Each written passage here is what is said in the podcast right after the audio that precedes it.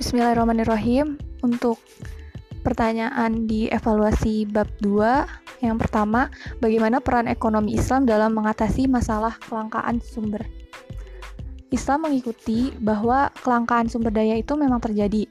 Namun demikian, tugas ekonomi bukan sebatas mengalokasikan sumber daya yang langka tersebut, namun juga mengupayakan penyelesaian atas penyebab dasarnya, yaitu ketidakmerataan distribusi sumber daya, perangai buruk manusia, dan adanya trade-off antar tujuan hidup.